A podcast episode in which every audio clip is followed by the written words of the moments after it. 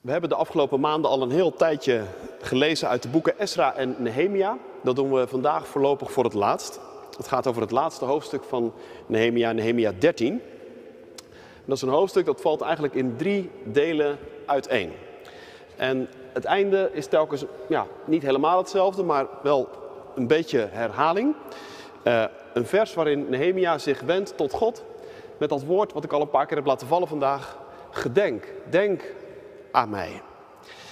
En deze gedeeltes worden voor ons gelezen. Horen wij het woord van God. boek van Mozes. Daarin bleek te zijn opgetekend dat Ammonieten en Moabieten nooit of te nimmer tot Gods gemeenschap mogen worden toegelaten, omdat ze ooit geweigerd hadden de Israëlieten met brood en water tegemoet te gaan. En omdat ze Biliam hadden omgekocht om hen te vervloeken. Een vloek die door onze God werd veranderd in een zegen. Nadat deze wettelijke bepalingen waren voorgelezen, zette men alle vreemdelingen apart van de Israëlieten. Eerder al had de priester Eljasib, die verantwoordelijk was voor de voorraadkamers in de tempel van onze God en nauw verwant was met Tobia, voor deze Tobia een groot vertrek ingericht. Het was het vertrek waar vroeger de graanoffers werden opgeslagen en ook de wierook en de tempelgerei. En verder de tiende van graan, wijn en olie die aan de levieten, de zangers en de poortwachters toekwamen. En de bijdrage voor de priesters. Toen dit alles gebeurde was ik niet in Jeruzalem, want ik was in het 32e jaar van zijn regering naar koning Artaxerxes van Babylonië gegaan. Na verloop van tijd vroeg ik de koning toestemming om naar Jeruzalem terug te keren.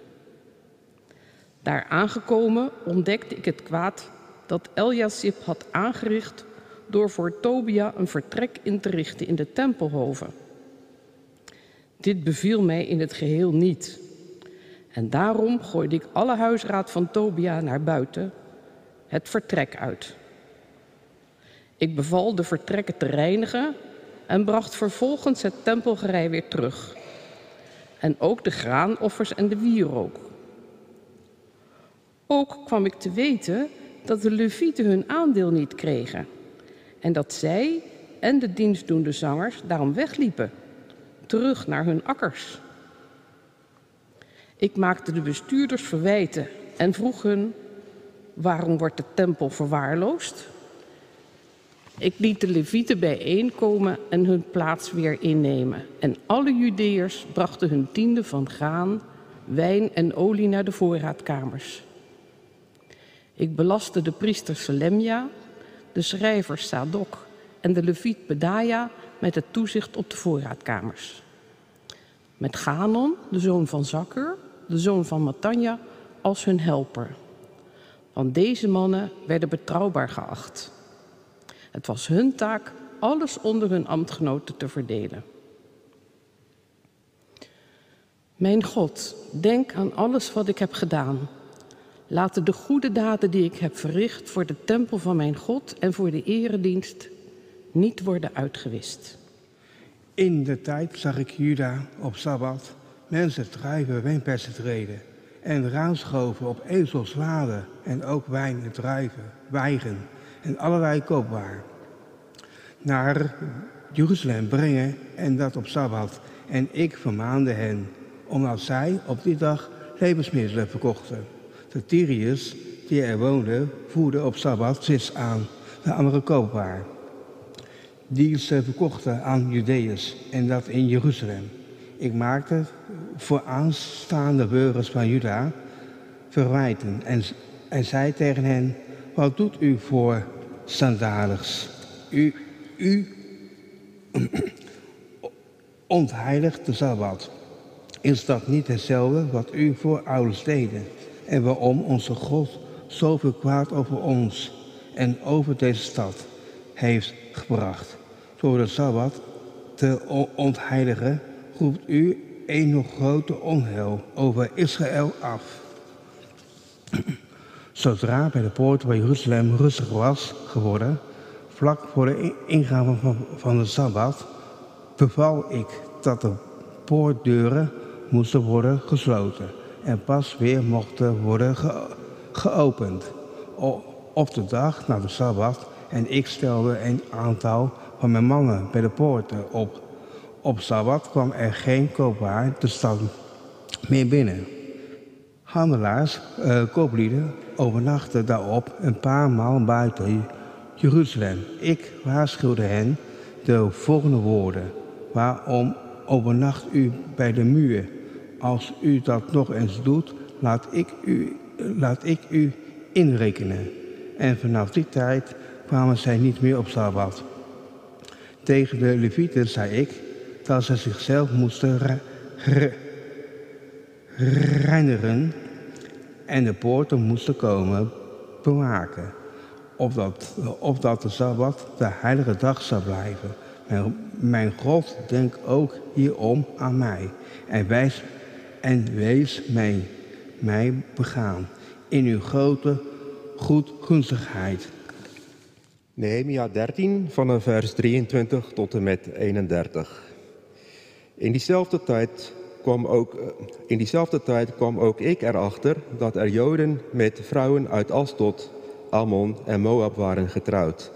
En kinderen hadden van wie de helft Asdoditisch en of de taal van een andere volk sprak, maar geen Judees. Ik maakte hun daarover verwijten. Ik vervloekte hen. Sommige, naam, eh, sommige mannen sloeg ik. Ik trok de haren uit hun hoofd en ik bezwoer hen bij God.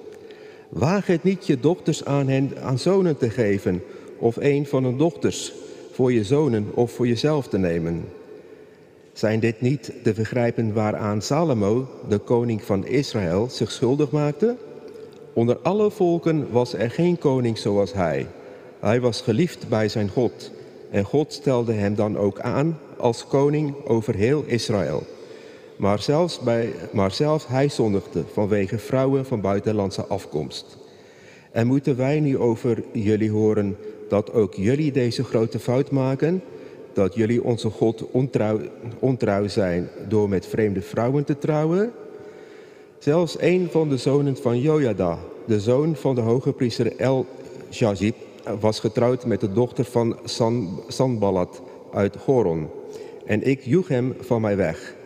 Vergeef niet, mijn God, dat zij en de Levieten het priesterschap en het priestelijke verbond met, dat u met hen hebt gesloten, de schanden hebben gemaakt. Vervolgens reinigde ik hen van alle vreemde smetten en ik stelde roosters op voor de werkzaamheden van de priesters en de levieten naar de aard van het werk.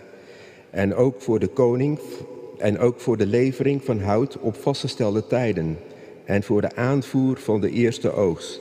Reken het mij, mijn God, ten goede aan. Gemeente van Christus, amper waren onze Kamerleden met reces of ze konden alweer terugkeren voor het zoveelste coronadebat. Ik kan me zomaar voorstellen dat een aantal van hen dat niet zo erg leuk vond. Heb je na een druk jaar eindelijk vakantie, moet je die meteen alweer onderbreken.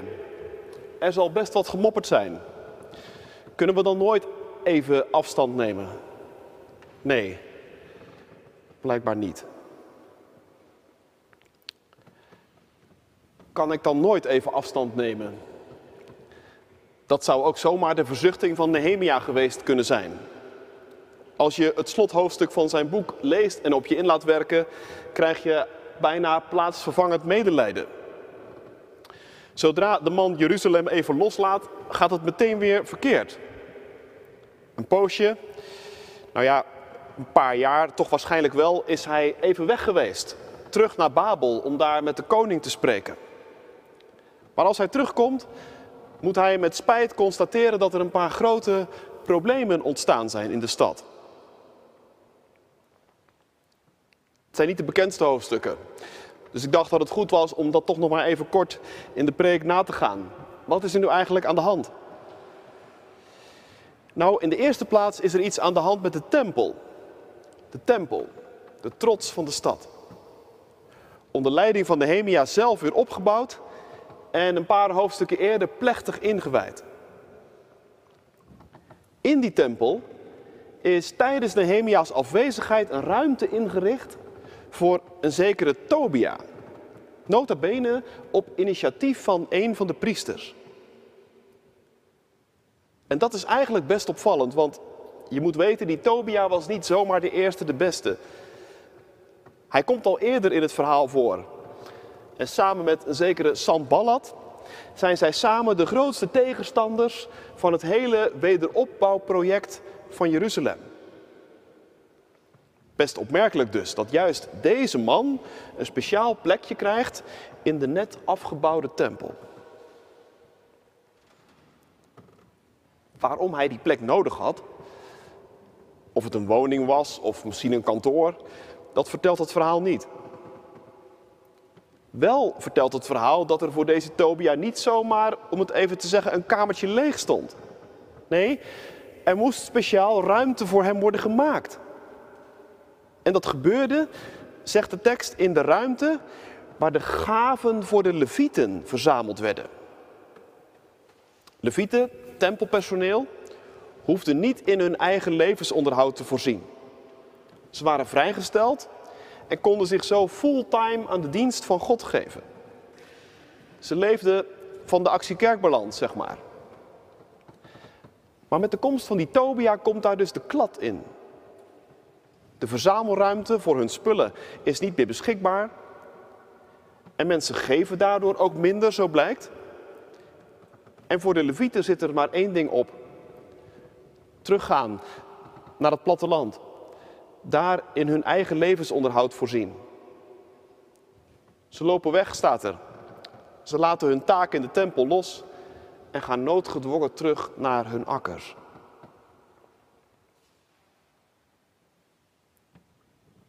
Tweede probleem waar Nehemia tegenaan loopt, heeft te maken met de Sabbat, met de rustdag.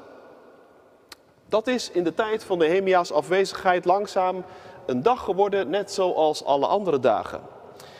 Een dag waarop volop gewerkt wordt, volop handel gedreven. Er is markt. Er gaat een hoop verkeer de poorten in en uit. Kortom, als je niet zou weten welke dag het was, zou er weinig zijn dat je aan de Sabbat deed denken. En dan het derde probleem. Als Nehemia door de straten van Jeruzalem loopt en hij luistert naar het geroezemoes van spelende kinderen, dan spitst hij zijn oren. Want ze gebruiken taal die hij niet kent. En niet een soort straattaal. Nou ja, hij kent dus de woorden wel, maar hij hoort dat het geen Hebreeuws is. Het is een soort niet-Joods dialect wat die kinderen gebruiken. En Nehemia beseft, ja, dat moeten ze ergens geleerd hebben. Van hun moeders waarschijnlijk. En als die moeders die taal kennen, dan zijn dat waarschijnlijk geen Joodse vrouwen. En voor de zoveelste keer blijkt dat de mannen van Israël met het grootste gemak gemengde huwelijken aangaan.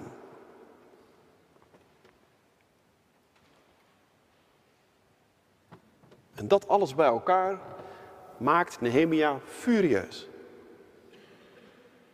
En je merkt uit het verhaal dat hij op alle fronten stevig ingrijpt. Om te beginnen wordt die Tobia met heel zijn hebben en houden de tempel uitgesmeten. Hij zet hem letterlijk met huisraad en al op straat. Hij laat de ruimte in ere herstellen, roept de levieten terug op hun post en zorgt ervoor dat er opnieuw in hun levensonderhoud wordt voorzien. En dan begint hij aan het herstel van de rustdag. Het stadsbestuur krijgt een veeg uit de pan. Hoe hebben jullie het zover laten komen, zegt Nehemia. En de stadspoorten gaan op Sabbat dicht. De niet-Joodse handelaars, die nog een beetje staan bij te komen van de schrik en merken tot hun verbazing dat de poorten gesloten zijn, die krijgen te horen dat ze moeten maken dat ze wegkomen. Morgen kunnen ze terugkomen en niet eerder. En tegen de mannen met de niet-Joodse vrouwen gaat Nehemia als een razende tekeer. Harde taal spreekt hij. En zelfs lichamelijk geweld wordt niet geschuwd. Of ze soms gek geworden zijn, snauwt hij ze toe. En of ze soms vergeten zijn dat het hier al zo vaak op dit punt misgegaan is. Notabene bij Salomo zelfs. Een van Israëls beste koningen. Geliefd bij God en de mensen. Alsof Nehemia zeggen wil, als hij dit al niet aankon, wie denken jullie dan wel te zijn?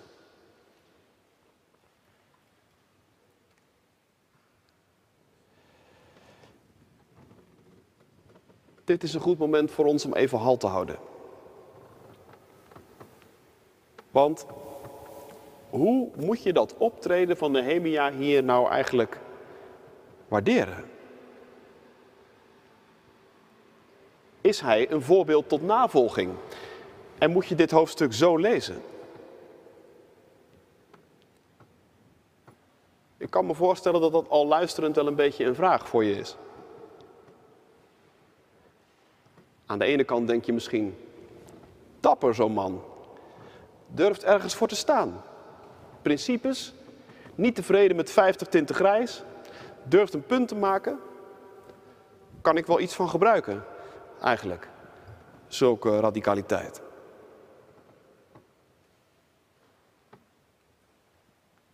Maar aan de andere kant kan me ook wel een beetje voorstellen dat je er een wat ongemakkelijk gevoel bij krijgt. Als je die Nehemia zoals een furie tekeer ziet gaan. Niet helemaal mijn stijl, denk je misschien. Ik ben meer een beetje van de diplomatieke weg. Beetje praten hier, beetje kneden daar. Dat, dat fanatieke, dat moet ik eigenlijk niet zo. Zeker niet als er ook nog harde woorden en zelfs klappen bij gaan vallen.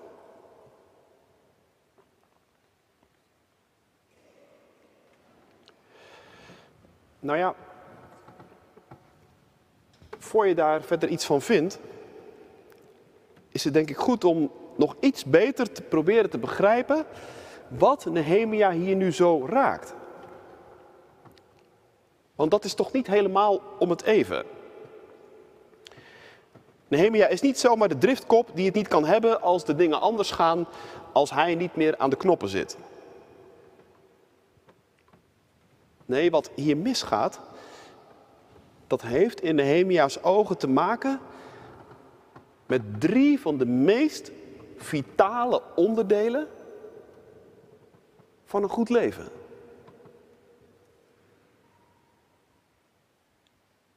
In de eerste plaats met de tempel. De tempel, dat is voor Israël de plek waar de hemel de aarde raakt. De plek waar je als mens voor het aangezicht van God staat. De tempel is voor Israël de plek van waaruit het hele leven betekenis krijgt. Je zou kunnen zeggen het hart of het zenuwcentrum. De cockpit voor mijn part. En precies op die vitale en centrale plek wordt hier dus een vijand binnengehaald. Dat is ongeveer hetzelfde als op voorhand tegen een vliegtuigkaper zeggen: Alsjeblieft, hier heb je de stuurknuppel, zeg het maar, waar gaan we heen? Nou, je voelt wel aan. Dat gaat natuurlijk niet.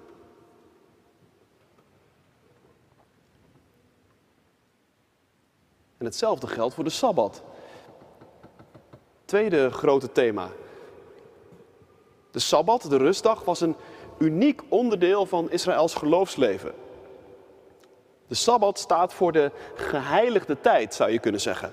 Niet alle dagen zijn hetzelfde. Er zijn dagen om te werken, maar ophouden met werken is net zo belangrijk.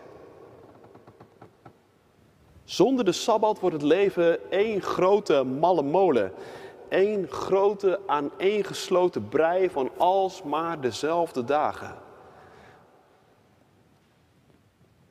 En dat is dan ook precies wat je ziet gebeuren. Want wat wordt de Sabbat als het geen rustdag meer is? Precies. Een dag als alle andere dagen. Want zo heel creatief zijn wij mensen helemaal niet.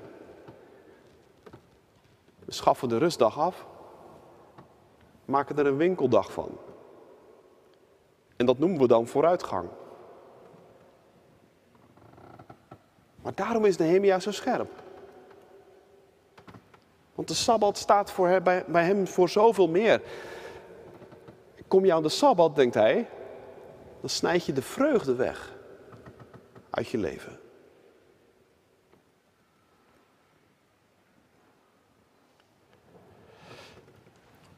Ondertussen heb ik het wel de hele tijd over de Sabbat, maar is dat niet eigenlijk een heel vreemd woord, jongens en meiden?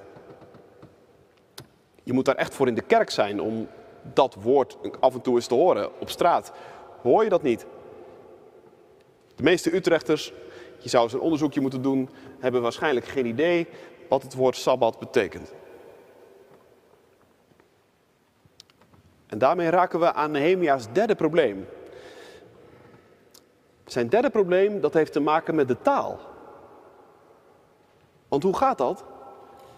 Woorden die je niet meer aangeleerd krijgt, die raken in onbruik. En dat geldt dan ook voor de dingen waar die woorden naar verwijzen. Sabbat is zo'n woord. Maar wat dacht je van andere woorden?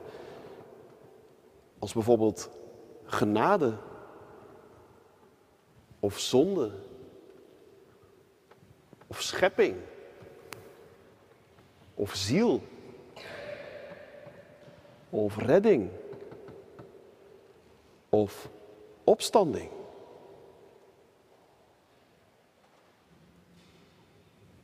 Allemaal woorden die horen bij het Bijbels ABC en die in onbruik raken als je ze niet aangeleerd krijgt. En Nehemia voelt dat aan. Het verval, zegt hij, begint bij de taal.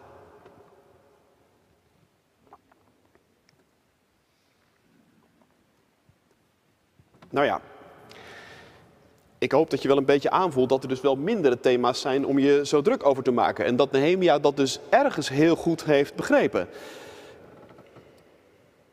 Maar over zijn optreden in dit hoofdstuk is nog meer te zeggen.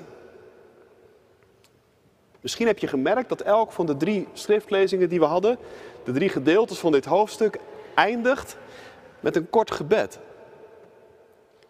Een verzuchting. Een hartekreet zou je kunnen zeggen. De vertaling laat ons een beetje in de steek hier, dat is jammer. Maar het Hebreeuws begint telkens met hetzelfde woord. Gedenk. Gedenk mij, o God, zegt Nehemia. En als je die drie korte hartekreten even naast elkaar zet, vers 14, vers 22 en het laatste vers, dan zie je ook nog een kleine verschuiving gebeuren. De eerste keer zegt Nehemia, gedenk mij om alles wat ik gedaan heb. De tweede keer zegt hij, gedenk mij vanwege uw goedheid. En de derde keer is eigenlijk het allerkortst. Gedenk mij, God, ten goede.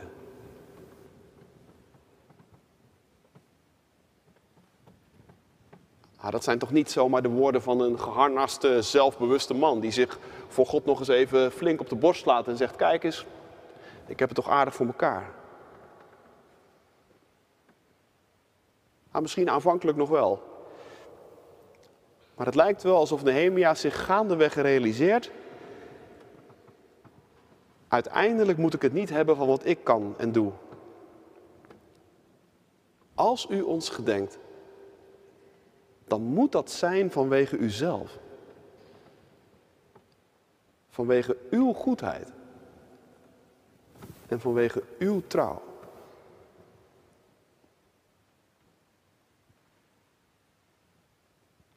Uiteindelijk is niet Nehemia de held van dit verhaal. Dat wordt nog eens onderstreept door het feit dat dit hoofdstuk wel het laatste van het boek is. Maar in de tijdlijn niet het laatste hoofdstuk. Dit is eigenlijk een flashback. Vers 4, enige tijd hiervoor en dan komt dit hoofdstuk. En dat is eigenlijk heel opvallend, want Nehemia 12, vorige hoofdstuk, dat is het hoofdstuk waar Nehemia glorieert. Vorige week zondagmiddag stonden we daarbij stil. Daar wordt die stadsmuur en die hele stad glorieus ingewijd. En hoe mooi en hoe voor de hand liggend was het als het Bijbelboek Nehemia daar geëindigd was. Nehemia in de hoofdrol en het succes groots gevierd. Maar zo is het dus niet gegaan. De schrijvers vonden het belangrijk om met de voeten in de modder te eindigen. Niet met een Nehemia met de gouden plak om op het erepodium. Maar met een Nehemia die zucht, o God, denk aan mij. Ten goede.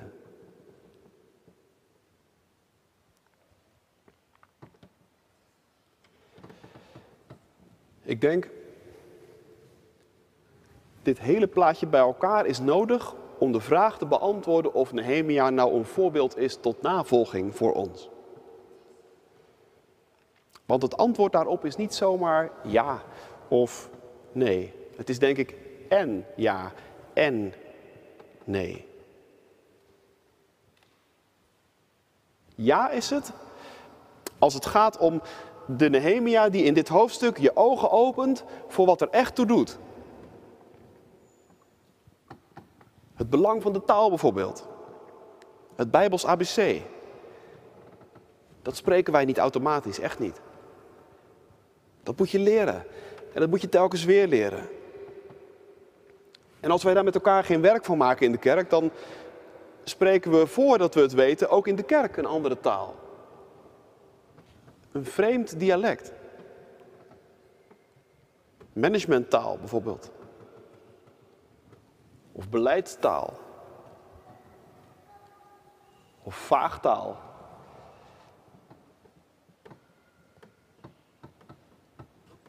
En wie het Bijbels ABC verleert, die groeit ook langzaam weg bij de woorden, bij de dingen waar die woorden naar verwijzen.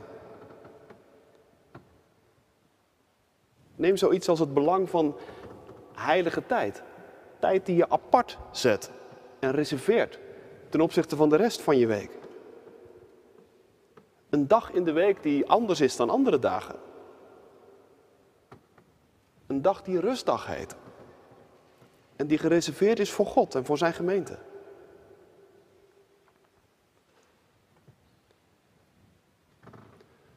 De coronatijd stelt ons wat dat betreft voor een hoop nieuwe uitdagingen. Het is er niet per se makkelijker op geworden om je tijd te heiligen, dat weet ik. Zondagsritme achter een scherm is echt een gedoe, ik weet het. Maar juist daarom is Nehemia belangrijk.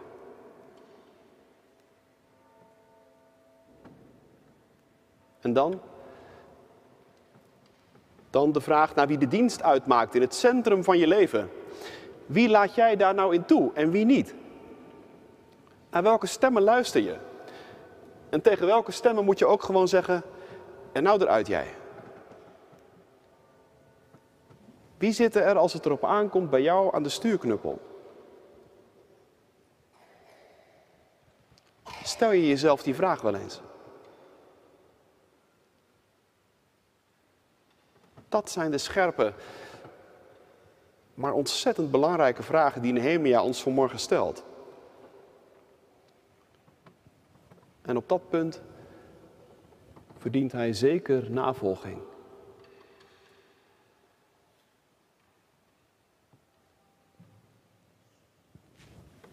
Maar waarom aarzel ik dan toch ook een beetje? Nou, dat heeft te maken met de verlegenheid die ik proef in dat gebed van Nehemia. En met het toch een beetje open einde van het boek. Alsof Nehemia ook zeggen wil: Ja, ik heb scherp gezien wat er misging. En ik heb ook radicaal ingegrepen. Maar ergens blijft het toch ook een beetje broddelwerk. Stukwerk. En brengt het niet de diepe, fundamentele, echt verlossende verandering waar wij zo op zitten te wachten.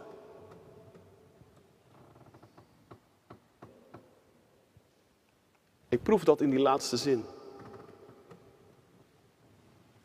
Gedenk mij, God, ten goede.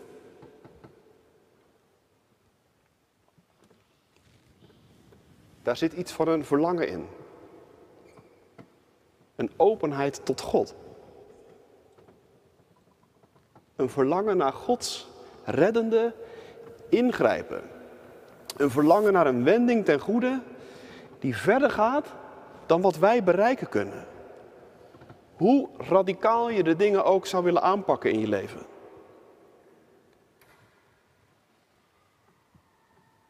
Ik proef er een verlangen in, misschien wel naar een ander soort radicaliteit. In het besef dat onze radicaliteit ook stuk kan maken en kan beschadigen.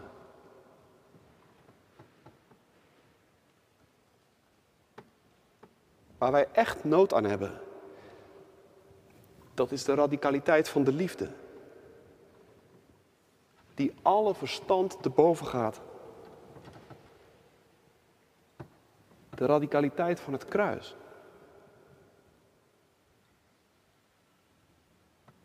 Radicaliteit van Jezus.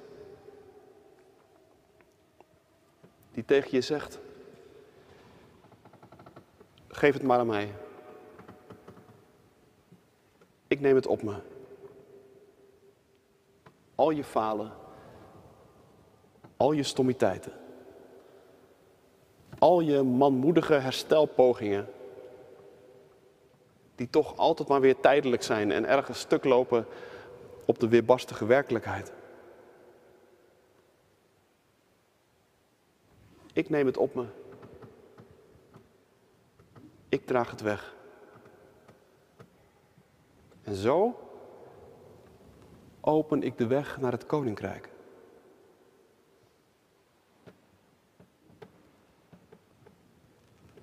En misschien, is Nehemia daarin wel het meest een voorbeeld tot navolging.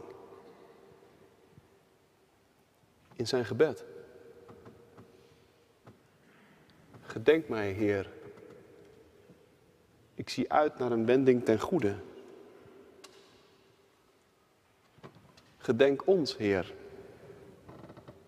om Jezus wil. Omwille van zijn kruis en zijn opstanding. Omwille van het koninkrijk dat komt.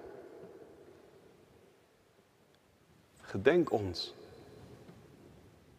God, ten goede.